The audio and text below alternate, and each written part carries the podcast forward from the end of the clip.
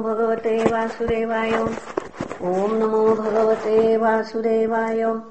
ॐ श्रीपरमात्मने नमः।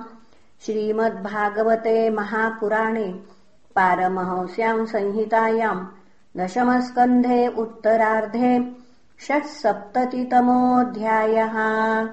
श्रीगणेशाय नमः।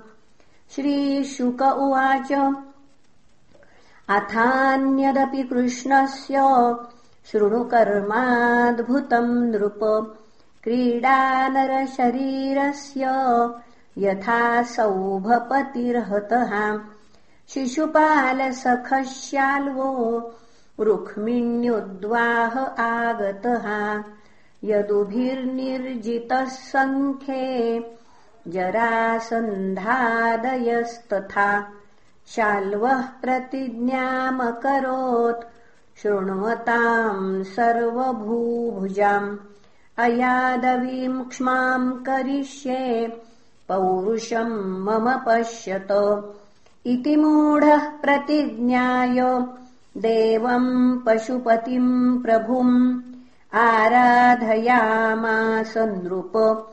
पौंसुमुष्टिम् सकृद्ग्रसन् संवत्सरान्ते भगवानाशुतोष उमापतिः वरेण छन्दयामास शाल्वम् शरणमागतम् देवासुरमनुष्याणाम् गन्धर्वोरगरक्षसाम् अभेद्यम् कामगम् वव्रे स यानम् वृष्णिभीषणम् तथेति गिरिशादिष्टो मयः परपुरञ्जयः। पुरम् निर्माय शाल्वाय प्रादात्सौभमयस्मयम् स लब्ध्वा कामगम् यानम् तमोधामदुरासदम् ययौ द्वारवतीम् शाल्वो वैरम् वृष्णिकृतम् स्मरन् निरुध्यसेनया शाल्वो महत्या भरतर्षभो पुरीम् बभञ्जोपवनान्युद्यानानि च सर्वशः। स गोपुराणि द्वाराणि प्रासादाट्टालतोलिकाः विहारान् स विमानाग्रयान्निपेतु शस्त्रवृष्टयः शिलाद्रुमाश्चाशनस सर्पा आसारशर्कराः प्रचण्डश्चक्रवातोऽभूत् रजसाच्छादितादिशः इत्यर्द्यमानासौभेन कृष्णस्य नगरीभृशम् नाभ्यपद्यतशम् राजंस्त्रिपुरेण यथा महीम् प्रद्युम्नो भगवान् वीक्ष बाध्यमाना निजाः प्रजाः मा भैष्ठेत्यभ्यधात्वीरो रथारूढो महायशाः सात्यकिश्चारुदेष्णश्च साम्बो क्रूरः सहानुजः हार्दिक्यो भानुविन्दश्च गदश्च शुकसारणौ अपरे च महेश्वासा रथयूथपयूथपाः। निर्ययुर्दंशिता गुप्ता।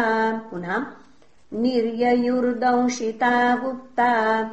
रथे भाश्वपदातिभिः ततः प्रवृत्ते पुनः ततः प्रवभृते युद्धम् शाल्वानाम् यदुभिः सह यथासुराणाम् विबुधैस्तुमूलम् लोमहर्षणम् ताश्च सौभपतेर्माया दिव्यास्त्रैरुक्मिणीसुतः क्षणेन नाशयामास। नैशम् तम इवोष्णगुः। विव्याध पञ्चविंशत्या स्वर्णपुङ्खैरयोर्मुखैः शाल्वस्य ध्वजिनीपालम् शरैः सन्नतपर्वभिः शतेनाताडयच्छाल्वो मेकैकेनास्य सैनिकान् दशभिर्दशभिर्नेतृन् वाहनानि त्रिभिस्त्रिभिः तदद्भुतम् महात्कर्म प्रद्युम्नस्य महात्मनः। दृष्ट्वा तम् पूजयामासु सर्वे स्वपरसैनिकाः। बहुरूपैकरूपम् तद् दृश्यते न च दृश्यते। मायामयम् मय कृतम् दुर्विभाव्यम् परैरभूत्। क्वचिद् भूमौ क्वचिद्व्योम्नि गिरिमूर्ध्नि ज्वले पुनः गिरिमूर्ध्नि जले क्वचित् अलातचक्रवद्भ्राम्यत् सौभम् तद्दुरवस्थितम्। यत्र यत्रोपलक्ष्येतो ससौभः सहसैनिकः शाल्वस्तस्ततो पुनः शाल्वस्तस्ततो मुञ्चन् शरान् सात्वतयूथपाः।